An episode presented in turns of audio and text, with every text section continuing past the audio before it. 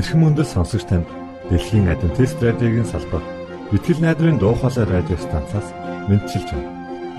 Сонсогч танд хүргэх маань нэвтрүүлэг өдөр бүр Улаанбаатарын цагаар 19 цаг 30 минутаас 20 цагийн хооронд 17730 кГц зөвлөлтөөр 16 метрийн долгионоор цацагдж байна.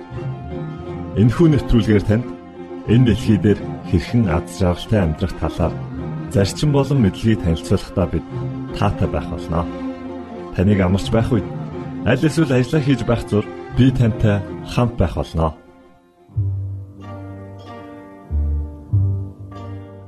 Өнөөдрийн дугаараар та бидний эрүүл мэнд юу бодож байгаатай маань холбоо хамааралтай юу гэдгийг олж мэдэх болно.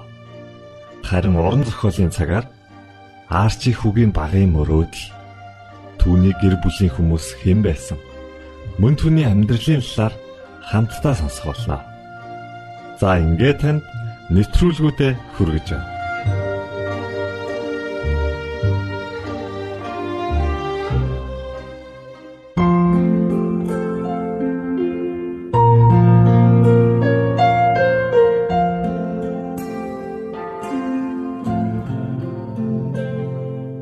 Эрхэм баян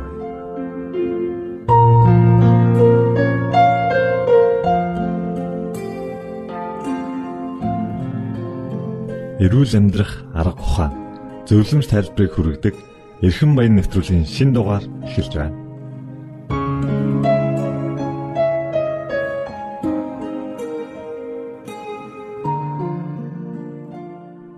Сайн бацгаана уу сонсогчдоо. Эрхэм баян нэвтрүүлгийн шин дугаараар уулзаж байгаадаа баяртай байна. Бид энэ хорвоо дээр нүцгэн ирсэн нүцгэн буцнаа гэсэн үг байдаг. Тэгэхээр бидэнд өмчилж болох ганц зүйл байдгаа гэх юм бол энэ яахын аргагүй бидний бие махбод юм аа. Бурхнаас зайсан эрдэнэт энэ бие ямар бүтэц тогтолцоотой байдаг. Мөн яавал урт удаан аз жаргалтай энэ дэлхий дээр амьдрах нууцуудыг эрхэм баян нэвтрүүлгээс та олж мэдэх болно. Ингээд танд Монголын адвентист чуулганы эрүүл мэндийн хэлтсийн захирал болох энх баяртай хийсэн ярилцлагыг хүргэж байна. За, эрүүл мэнд гэдэг бол маш эрхэм чухал зүйл гэж хүн мэддэг. Аа, эрүүл байх ёстой. Эрүүл байх бол үнэхээр аж аргалтай, сайхан зүйл гэдгийг бүгд ойлгодог. Гэтэл яагаад өнөөдөр бүхэн эрүүл байдаггүй юм бэ? Ямар нэгэн асуудал заавал бидэнд гарч ирдэг. Тэгэхээр хүн өөрийгөө хамгаалах, бас өөрийгөө халамжлах, асрах тал дээр дандаа дутагдaltaй явдаг болж тарах гэдэг аваад. Жишээлбэл бид нэг шинэ машин авъя гэж бодъё л да. Одоо чи нэг шинэ машинтай боллоо. Ямар их арчиж тавдах вэ? Дотор нь хийх ёстой шингэн өөрөөр хэлбэл бензин, хөдөлгүүрийн тос, за тэгээ бусад шаардлагатай торомсны шингэн бүх зүйлийг нь цаг хугацаанд нь ямар ч байсан солино. А зориулалтын зүйлийг нь өгнө. Өөрөөр хэлбэл дизель хөдөлгөөрөөр ажилтдаг бол юуг нь өхөө? Дизель хөдөлгөөр. Бензинээр бол бензин ноцоостой бол бензиний өгнө. Гэтэл хүн анх бүтээхдээ ив эрүүл төгс тэр бүх хэл бурхны хэлсэнчлэн дуулал намын 139 дугаар бүлгийн 14 дугаар эшлэл дээр бурхан бидний яаж бүтээсэн гэдэг лээ.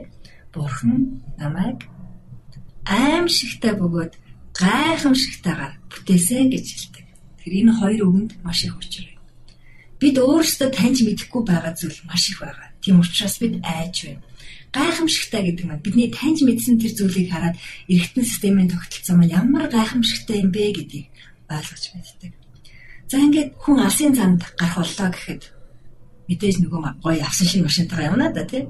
Машинда бүхий л шаардлагатай зүйлийг дүүргэж аваад хангалттай хэмжээнд таслах материал одоо юу гэдгийг шаардлагатай бүх зүйлээр хангаад дээрээс нь өөртөө хэрэгцээтэй зүйлээ ачаад аваад гарна да тий. Яг үнтэй адилхан хүн өглөө босоод алсын зад гарч байгаа гэж бодоод өөртөө хэрэгцээтэй зүйлийг биедээ хийх шаардлагатай болно. Тэгэхээр хүн эрүүл байхад хідэн зүйл шалтгаантай юм. Нэгдүгээр биедээ юу хийх вэ? Өөрөөр амаараа юу хийх вэ? Нөгөөх нь бие махбодороо ямар хөдөлгөөн, ямар дасгалч гэдэг юм уу те? Бие махбодороо юу хийх вэ? Гуравдугаар уурах тархинда, оюун санаанда ямар мэдээллийг өгч, ямар одоо юу гэдэг зөвлөгөөнүүдийг авах ёстой вэ гэдэг өөрөөр хэлэх юм бол амаараа юу хийх вэ? Биеэрээ юу хийх вэ? Өөрөө тархиндаа юу хийх вэ гэдэг уран сонголт зайлшгүй тулгардаг байна. Зарим хүмүүс байдаг ч ингээд өглөө ерөөсөө өглөөний хоол идэггүй би чаддгүй маа өглөө шууд тасчээд ингээд юм идэж чаддгүй ингээд Тэгэхээр машинд алсын зам гаргаж чавал эхлээ бензин тусаа сайн их хэрэгтэй ойлгомжтой тийм. Зарим хүмүүс малхаар өглөөний хоол идэхгүй гараад тах шиг юм л. Энэний талаар За машинаар ярихад одоо ойлгомжтой болсон баг шүү дээ. Бензинээ баг хийсэн машин хэр хоол явах вэ? Бензиний хэмжээгээр л. Яг үнэ. Тэгэхээр өглөө хүн босоод яг тодорхой хугацаанд жишээлбэл 6-аас 8, за 6-аас 8 гэж 8 цаг унтсан гэдэг маань хотод өсвөлэн байсан. Тэгэхээр хоосон болчихж байгаа банк хоосон. За тодорхой хугацаагаар хоосон байсан тэр зүйлд шаардлагатай зүйлийг өгөх хэрэгтэй. Хамгийн түрүүнд бид нар мэдээж өглөөс ирээд ус уудаг ийм хөвшилт сурч хэрэгтэй. Өглөөс ирлээ ус ууж хоол боловсруулах замаа бэлтгэн. Хоол боловсруулах замаа бэлэн болсон тохиолдолд тодорхой одоо шингэн уснаас өөрөө ус ууснаас 30 минутын дараа өглөөнийхөө цайгаа идэхээр тохируулж шингэн уух нь шүү дээ. Ингээд өглөөний цайн дээр айлгах хөнгөн хэрнээ өдрийн турш сатглан метр мэдрэмжийг үлдээх хүнс сонгох зөв гэж үздэг. Үүнд авьяас шаргуудаа, гурвалжин будааны каш гэх мэтчлэн өөр хүүхдийн каш ус үйж болно. Тэгээд жимс, самар, за тэгээд талх байж болох жишээтэй. За би яад өндөг болон бусад зүйл хэлээгүй, орой халаасан хоол хэлээгүй гэхэд тэд нар тийм шаардлагатай бас зүйлүүд биш байх нэ. Тухайн хүүхнээс шалтгаална. Жишээлх юм бол юу идэх вэ гэдэг тухайн хувь хүнээс шалтгаална. Жишээлх юм бол бага насны хүүхдүүдэд нэг өөр хоол. Идэр насны хөвгүүд нэг өөр хооллоход охтууд нэг өөр. Өндөр наснууд нэг өөр хоол. Тэгэхээр тухайн хүнд одоо машинаар бид нэр эхлээд жишээлсэн учраас өргөжлүүлээ л та. Ямар маркийн машин хөдөлгөөний хүчин чадал нь хэрвээ гэдгийг шалтгаалж хэрэгцээтэй зүйлийг хангах нь шүү дээ тийм ээ. Бас зарим нь өөр тос шаардлагатай байдаг. Өөр бензин түл шаардлагатай байдаг гэдэгчлэн хүн хүн өөр өөр гэсэн хоол боловсруулах шатаах процесснаас харилцан адилгүй байдаг учраас зарим хүнд өглөөд идж байгаа хоол хүнд байхаар хоолой шингээхэд бас хүндрэлтэй. А зарим хүн хоол боловсруулахгүй метаболизм сайтай хүмүүс байх юм бол эзэн хоол хурдан шатчихдаг учраас яах нь бас амархан өсөх жишээтэй. Тэгэхээр өглөөд идж байгаа хоолыг хүн нүдэрээ хараад сэтгэлээрээ чадахгүй байх тохиол байдаг учраас бас сэтгэл чадах хэмжээгээр идэж байгаа зүйл бас дэлгэж тавьж идэх юм бол бас их юм идсэн сэтгэл төрхнө шүү дээ. Өөрөөр тархиа баарч гсэн хоорхон байна. Тэгэхээр өглөөдөө хангалттай чанартай сайн хоол идэх гэдэг маань тухайн хүний өдрөө хэр эрчвчтэй эхлүүлэх вэ гэдгийг тодорхойлдог гэж л ойлгох боломжтой. За та өмнө хэлжсэн гурван зүйл ярина гэх тээ. Эхнийх нь болохоор амар орж байгаа хоол хүнс. Дараагийнх нь болохоор тэр бие махбодоо яаж хэрхэн ашиглаж байна те хөдөлгөөн гурав дахь нь болохоор тарих оюун ухаан гэсэн баг те хүлээж авч байгаа юу гэд. Би тэгэхээр энэ гурав дахь зүйлийг бас сонирхоод байна л да. Одоо бидний оюун бодол тарихтай юу сонсож байгаа маань бас яаж бидний эрүүл мэндэд нөлөөлж байна вэ? За хүний тарих гэдэг сонирхолтой эрхтэн байдаг. Өөрөөр хэлбэл тарих гэдэг эрхтэн маань бидний биед байдаг бусад эрхтнүүдээс хамгийн их амиа бодсон эрхтэн гэж ойлгоё. Өөрөөр хэлбэл би ингэмээр байна, би үнийг хүсмээр байна, би ийм гоё баймаар байна, би сэтгэл дүүрэн баймаар байна, би сайхан баймаар байна гэж боддог хэрэгтэй. Зүрх гэхэд бусдын төлөө өөрийгөө л хайрлан амрах цаггүй шахмаачдаг. За илэг гэхэд ч зай засваргүй хор шүтдэг. Ууш байнгын хөдөлгөөний эргэлтэнд явчихдаг, хийн солилцоо явуулдаг.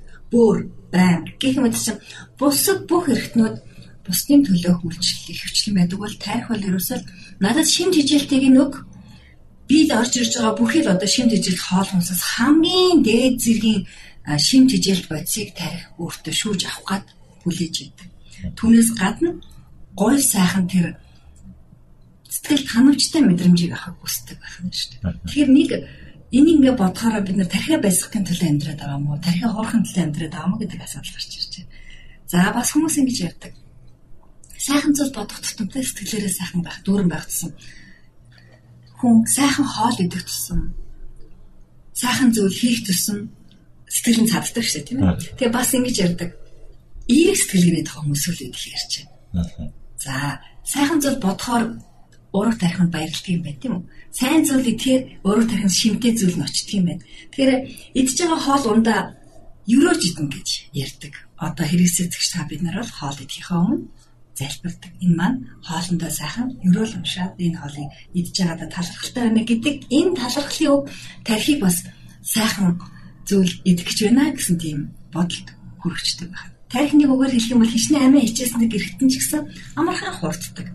Жохо инээмсэглэхэд тархи шууд өөрөөсөө аж аргалын даавруулах эндорфиныг ялгаруулж эхэлдэг гэж байгаа байхгүй юу.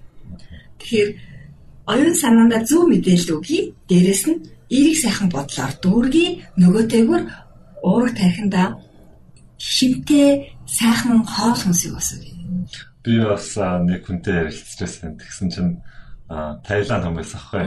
Тэгээд юу гэж хэлж байсан гэхээр та юу залуу харагдах юм аа гэд хэлсэн чинь Аа тийм би залуу харагддаг надаа хоёр шалтгаан байгаа гэжсэн. Нэг нь болохоор би мах идэгдгүү дандаа хүнсний ногоо тэ самар жимс иддэг. Тэгээ энэ надад тусалдаг. Нөгөөх нь би ерөөсөө стресстийг боддгоо. Ямар нэгэн тийм зүйл гарчих юм бол тэ аль болох ингээл зовоол дотроо шаналал байхгүй тэрнээсээ аль болох гараал за ийм асуудал болсон. За энэ нь бол үнэн гэл тэрийг ингээл өнгөрөөгөл ерөөсөө стресс нь ордгүй энэ маань бас нэг залуу байхын те ингээд залуу харагдахын нэг шалтгаан юм а гэж хэлж байсан.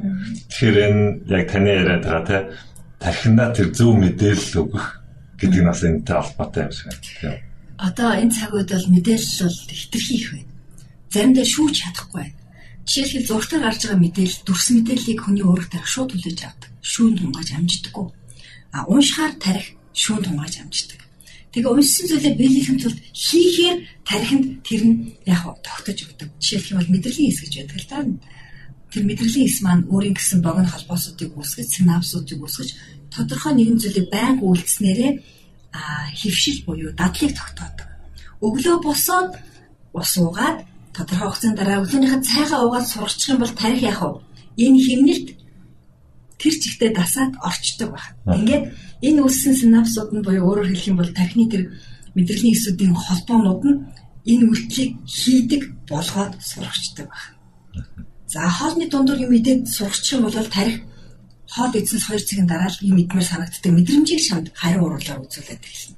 Тэгэнгүүт за тэгвэл би энэ үед снак буюу янз бүрийн мэддэг байсан бол болоод ус уудаг болохыг гээд ус уугаа тодорхой хугацаанд яхам бол өнөө чи яах нь ус уудаг мэдээллийг агуулад 2 цагийн дараа хүн өсөлтөд энэ бол хуурамч өсөлт байдаг. Тэнгүүд нь хүн мэдчихдэг. Гэтэл энэ бол өвөндөө өсөлт биш хуурамч өсөлт байдаг. Тэгэхээр энийг нөгөө тархинд зөв мэдээлэл өгөх юм бол энэ бол жинхэнэ өсөлт биш. Энэ бол хуурамч. Тийм учраас одоо би зүгээр л ус уучи. Яагаад гэвэл ус ууснараа миний 2 цаг өмнө идсэн хоол маань цаашаа шингэх хэрэгтэй юм аа. Энд ус хэрэгцээтэй байгаа учраас цанах үсэх төв тархинд ойрхон байдаг учраас андуурагдсан ойлголтыг миний бие махбод үзүүлээд байгаа юм. Одоо би нэг шинжлэх ухааны үндслэлтэйгээр ойлгоцсон учраас би юм идэхгүй харин ус ууя гэх юм бол тарих яах вэ? Ойлгоо. Хүний тарих маш энгийн шүү дээ. Орой унтахтай хүртэл за маргааш өглөө би 6 цагт босно гэ өөрийгөө оюун санаанууд бэлтгээд бүх юма бэлдээд за 6 цагт босоод би өглөө дасгал хийхээр гарнаа гэд бүх юма бэлдээд унтахад өглөө 6 даа хүн сэрч чаддаг. Тэгээ гол нь босох уугүй юу гэдэг нь сонголт болчиход байна. Яг өглөө сэрлээ тэр агшинд би одоо босох уу өргөшүүлээд унтах уу гэдэг шийдвэрийг хэн гаргах вэ? Нөгөө хөөхөн гаргана шүү дээ тийм ээ. Одоо зөндөөл янз бүрийн сонин сэтгүүл дээр янз бүрийн бичдэг. Тэгэхээр тэр болгонд итгээд байдгүй. Тэгэхээр миний асуух гэдэг асуулт болохоор яг энэ энхүү мэдлэг мэдээллийг үнэн гэдгийг бид нар бас яаж мэдэх вэ? Та үүн дээр бас нэг хариулт өгнө. Миний хувьд бол би 7 дахь өдрийн адвентист сүмийн гишүүн учраас 7 дахь өдрийн адвентист сүмийн эрүүл мэндийн мэдээнд итгэдэг. Манай 7 дахь өдрийн адвентист сүмийн эрүүл мэндийн мэдээ маань Библиэлд суурилсан Элен Вайтийн бичээсүүд дээр үндэслэсэн шинжлэх ухааны болон судалгаа шинжилгээний ажлуудын туршилтын үр дүнгуудыг тулгуурлан гэж ойлгоцтой авсан. Өөрөөр тулгын гурван чулуу шиг ядаа бэрч. Нэгдүгээр Библиэд гэмээр хоёрдугаар Элен Вайтийн бичсэн бичээсүүд байна. Яг бол Элен Вайтыг манай сүмийн зүүн чимэгтээ түүний бидэнд үлдээсэн бичээсүүд маань ариун сүнсээр хөлөглөгдөж ирсэн учраас бид нэр үндэслэлтэй гэж үтгэж хүлээн авч зөвшөөрдөг. Ширлэх хаяг үчилж. Үнхээрийн хүний ходоод бол хоол боловсруулах зам маань хүнс ногоо боловсруулахад зориулагдсан байна. Өөрөөр хэлэх юм бол махан тэжээлтэй амтан өвсөн тэжээлтэй амтны хоол боловсруулсан замыг судлахад хүнийх өвсөн тэжээлтнийх юм шиг байна. За нөгөөтэй үр гэхэд мах буюу амтны гаралтай бүтээгдэхүүн баг хэрглэж байгаа хүмүүс урт бөгөөд эрүүл насалт юм байна гэдгийг судалгаар гаргаад ирсэн. Тийм учраас бид нар энэ гурван зүйл дээр адвентист эрүүл мэндийн мэдээ үндэслэлтэй юм байна гэж үзэж байна. Өөрөөр хэлэх юм бол одоо тулхан гурван чулууга тавья. Библи буюу судар, Бурхны эсвэг, Элен Вайтийн бичээсүүд хажууд нь орчин үеийн өдрөөс өдөрт жилээс жилд бараг цаг минут тутамд шинжлэгдэж байгаа анагаахын шинжлэх ухааны болон эрүүл мэндийн шинжлэх ухааны болон бусад шинжлэх ухааны туршил, судалгаа, онлайн үндэслэл. За тэгээд дээр нь тогоотой ус тавья л да. Тэндээс буслаад гарч байгаа ууршиж байгаа мэдээ маань юу? Манай Адвентист эрүүл мэндийн мэдээ. Тэр хүн хүн төвөн хүрэх ёстой юм а гэсэн ийм зөвлөлийг бид үргэлж бодож байгаа тийм. За баярлалаа танд. Та бүхэн сая сонссон бахаа Эрхэн баян радио нэвтрүүлгийн мэдлэг мэдээлэл онлоод нь Адвентист эрүүл мэндээс гаралтай юм байна. Та бүхэн бас зөв зүйл ярьж байгаа нь итгэж болох уу үгүй юу гэж бас эргэлзэх хэрэггүй. Энэ бол шинжлэх ухаанаар батлагдсан ийм эрүүл мэндийн систем бүхий мэдлэг мэдээллүүд байгаа юм аа. Бид дараагийн нэвтрүүлгээрээ танд эрүүл амьдралын 8 зарчим болох шинэ гараа хөтөлбөрийг танилцуулах болно. Дараагийн нэвтрүүлэг хүртэл түр баяртай.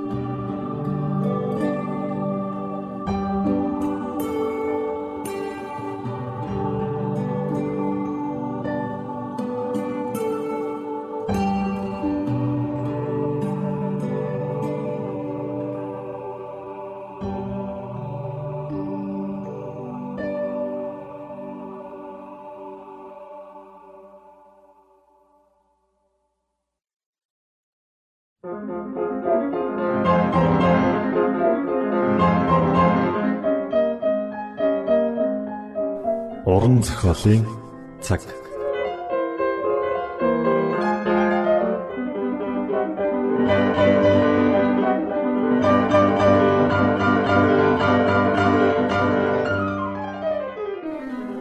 Уран зохиолын цаг нэвтрүүлгийн шин дугаараар уулзж байгаадаа баяртай. Энэхүү булангаараа бид уран зохиол, утга уянга, яруу найргийн өнгө аястай ном тохиомлуудыг сонсогч та бүхэндээ хүргэх болно. Та бидэнтэй хамт байгаарай. Энэ удаагийн дугаараар эцгийн гашуун бэлэг хэмээх Арчи хүүгийн тухай гарах номыг сонирдуулах гэж байна. Хөгжмөд артн соно.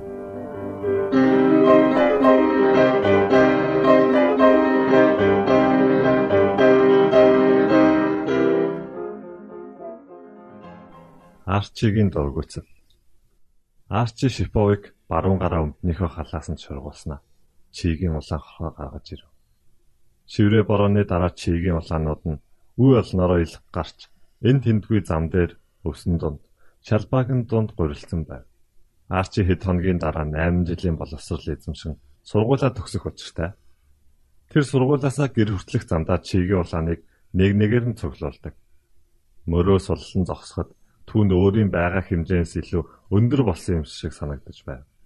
Яагад гэвэл удахгүй сургуулаа төгсөх бодол борооны дараах цэнгэг агаад чийхтэй газрын өнөр Оросын шугуу дээгүр татсан солонго халаасанд нь байгаа шавартай чигийн улаанууд байсан учраас түүний сэтгэлийг ихэд догтлуулва. 1909 оны 5 дугаар сарын тэр үед Николай хаан өөрийн өргөөндөөч Арчи шиг сэтгэл хангалуун байгаагүй ах. Арчи халаасаа чигийн улаанаар дүүргээд гэрлүүгээгүй. Тэрээр гэртээ гүйж орж ирэнгүүт ном дэвтрээ хаалганы хажуудах модон сандалт хийшидэд загасныхаа ургыг шүүрч аваад эхийгээ дуудав. Пишингийн хажууд хөх будаагаар хийсэн талхай эргүүлж байсан ээжийнх нь нүр халуун зуухнаас болж час улаан харагдав. Би явж загас барьлаа ээжээ. Тэр чин сайхан санаа байна гэж Домка Шиповыг хэлээд том хүүгээ өхөөрцөн харцаар харав. Тэгээд урт хар гизгээ нуруу руугаа өнжүүлээд барьсан загснуудыг чинь орой шарж өгье. Шинхэн барьсан талах гэрийн бислэг шөлтөө идвэл их л амттай байх ах та. Харанхуй болохоос өмнө нэрээрээ чи гэж аав нь их л дээрэнгүй хэлв. Тэр агшинд Арчиг гинт тэнгэлтэн зог тусав. Арчи загсны ургаа барьсаар хаалганы хажууд удаан тэнгэлсэн зогсов.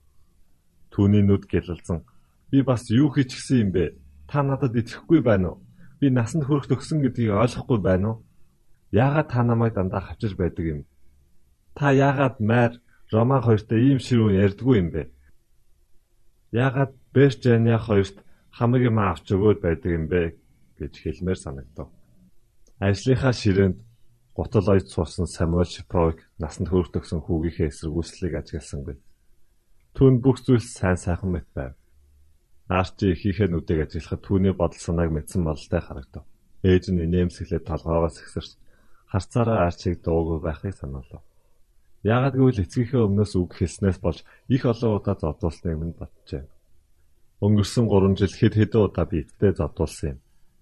Арчи удвал эцэгтэйгээ зөрчилдөхөө мэдээ тэр дорхноох аврын хурц гэрэл рүү гарч одов. Яагаад ч юм түүний баяр баясал ормооргүй арилсан байв. Тэнгэрт татсан солонг арилж зөвхөн чигийн улаанууд л халаасанд нь үлдсэн байв. Арчи өшгөлсөн чулуун шавартай зурлан хэрхэн шавран бөмбөлөг болохыг харж зогсов. Түүний халаасанд шавартай хотголсон чигийн улаануудын зарим нь хөдөлсөөр л байлаа. Тэгээд Арчи нэгийг авч голын эрэглүү гүйн гарав. Тэрээр чигийн улааныг дэгэндээ торгоогоод уурга ус руу шидэж эхэллээ. Тэгээд голын ирэг дээрх дарих модон дээр гарч суугаад хэсэг зуур харан азнав. Намайг гэр бүлдээ хоол залгуулах гэж ингэж яваг аав ойлгоод баярлна гэж бодож байна уу? гэж аарчи дагсны ургандаа хэлв. Урга нь хавихлж чадах эсэх нь түүнд хамаагүй байлаа. Өнгөрсөн 3 жилийн хугацаанд түүний амьдрал ихээхэн дорцсон юм шиг санагдав. Эцэг нь түүнийг ойлгохоо болсон учраас би өөрийн хийх ёстой бүгдийг хийнэ гэд аарч яваагаараа бүдүүн тайрцыг цохиж авлаа. Би хашаа цэцэрлэгээ цэвэр цэмцгэр байлгадаг. Би гэрийнхэндээ загас авчирч өгдөг. Би хон харуулж мөнгө нэмэрлэж байсан. Би сургуульдаа их чармайдаг. Юу болохгүй байгааг би ойлгохгүй байна. Чи юу ойлгохгүй байгаа юм бэ? Арчи цочин ухсгийхтэй ардан зогсож байгаа 9 настай дүүгээ харав. Роман Чи гэртээ очиж өөрийн хийх ажлыг хий гэж загналаа. Үгүй. Чамайг наашир гэж хинч гуугаагүй байх шүү. Чи юу идээд байгаа юм бэ? Чи яг хөгшин баага шиг зангаргаад байх юм. Чи үүнийг ойлгохгүй. Чи дэндүү балчир байна. Чи аавд ууралсан биз дээ. Тэгээд яагаад өөр юу их сони юм шиг байна. Чи мэдээтэй байхгүй бол чи дахиад алганы ам төртөн шүү. Тэр бол миний хэрэг. Аав ахаад л арх уугаад Ээж чамайг дахиад аавын уурыг хүргэчихвээ гэж байна. Аав арх баг удагч болоосаа. Яагаад тэр их удаг юм бэ? Модны тарсан дээр арчи дүүдээ зай тавьж өгөөд цуугаач гэв. Тэд урдуур нь урсаж буй хөрөнцөн голыг хэсэг зур ширтэн суув. Бодлгүй арчи. Гайлын хүмүүс аавын хийсэн гутлыг авах гэж ирэхдээ аавтай хамт архи удаг юм гэд яриагаа таслав. Тэрээр дүүгээсээ хариу өгсөн дуугасав. Найзуудаа архиар дайлах нь өөрийг нь их үн хүргэдэг байлгүй. Магадгүй архиар дайлахаар найз нар нь дахин ирж гутлыг нь авдаг байх. Харин хамгийн их зүй зүйл нь бүхэл бүтэн тосгоныхонд архи авч өгөх мөнгө бидэнд байхгүй. Чамд болон майрт хувц авч өгөх хэрэгтэй. Ээж хэдэн жил өөртөө даашин заваагүй. Бид дээврээ шинжлэх хэрэгтэй. Даашингаа цагаанаар бодох хэрэгтэй. Бид юу ч хийж чадахгүй. Яагаад гэвэл аав олсон бараг бүх мөнгөө архин зориулдаг аав арх уугаагүй үедээ их сүрхий байдаг гэж Роман сануулав. Тийм ээ би мэднэ. Аавын арх уухад би дургүй байдаг болохоор аав надад их дургүй байдаг. Би том болоод лавл аав шиг хүн болохгүй. Би хизээч архиуж мөрөөдөө тоглоом тоглохгүй. Би хүүхдүүдэд жаргалтай байлгана. Би ч гэсэн гэж Роман зөвшөөрөв. За явъя гэд Арчи уурга уснаас татаж аваад өнөөдөр загас баригдах шинжгүй байна. Тэгээд ч оройн хоолны цаг болчихлоо. Гэр хүртэл хоёулаа уралдъя. Би чамайг гүйцэндэ. Тэр хоёр инээлцээр шавранд халтарсаар голын уруу эргийг даган тэгш газрууд гарч ирмэгц гэрлүүгээ уралдан гүйлтцгэн. Тэдний тосгоныг Подольск гэнэ. Энэ нь Румынтай хил залгаар орчих Орсын нутаг юм. Айлын шаврын тоосгоор барьсан байшингуудын цонх гэрэлтэж эхлэв. Сүрлэн дээртэй байшингаас дөнгөж сая барьсан талхны анхлын өнөр, шарсан сонгины өнөр, утааны муухай өнөртэй холилдон үнэртэж байлаа. Роман би төрүүллээ гэд хаалгаа түлхэн ors гутлаа хөлөөрөө өшиглэн тайлаа дотгош оров. Арчи уурга их л өөрөмсгөр хаалганы харлаа тавиад уртаар санаалдав. Яг л ямар уур амьсгал хүлээн авахыг мэдсэн гэлтэй. Тэгээд аль болохоор ямар нэгэн чимээ гарахгүй байхыг хичээж орж ирлээ. Хаалганы хажуудах өдрийн шидсэн номнуудынхаа дэрэгдэх санал дээр очисон. Тэгээд гутлаа тайлахаар шидэв. Түүний ирснийг аав нь мэдээгүй байх гэж найдаж байлаа. Шиповг Москвагийн өөрчлөлийн тухай гайлын хүмүүстэй их чангаар ярилцсан. Энэ нь Арчи загнуулгүй ширээндээ суух боломж олгов. Арчи гэж аавынх нь дуухад. Чи оройтсан байна. Чамаа битгий харамхуу бол яваарай гэж би хэлээгүй лөө. Тийм ээ гэж Арчи аав руугаа айсан маягаар харав. Аав нь ганцаараа байсан бол үүнээс илүү зүйл хэлэх байсан баг. Харин дөнгөж дууссан хөрөөнгөтэй ширэн гутлынхаа хажуу талд шил арх тавьчихсан хажуу тосхны Димитрий гихч гайлын ажилтнтай сууж байсан тул нэг их юм хэлсэнгүй. Та уран зохиолын цаг навтруулгийг бүлээн авч сонслоо. Дараагийн дугаараар уулзтлаа. Түр баярлалаа.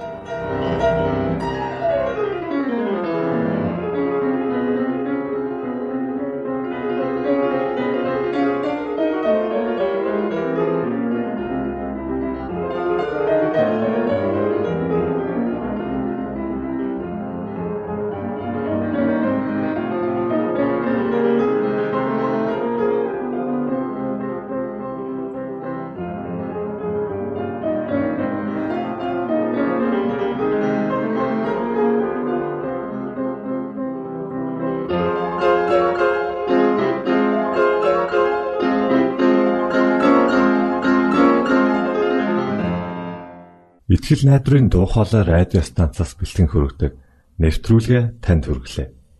Хэрв та энэ өдрийн нэвтрүүлгийг сонсож амжаагүй аль эсвэл дахин сонсохыг хүсвэл бидэнтэй дараах хаягаар холбогдорой.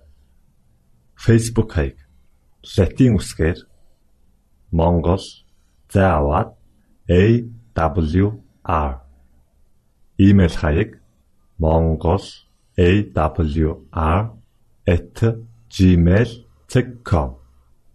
Манай утасны дугаар 976 7018 24 9. Шуудангийн хаяг 16 Улаанбаатар 13 Монгол улс. Биднийг сонгон цаг зав аваад зориулсан танд баярлалаа.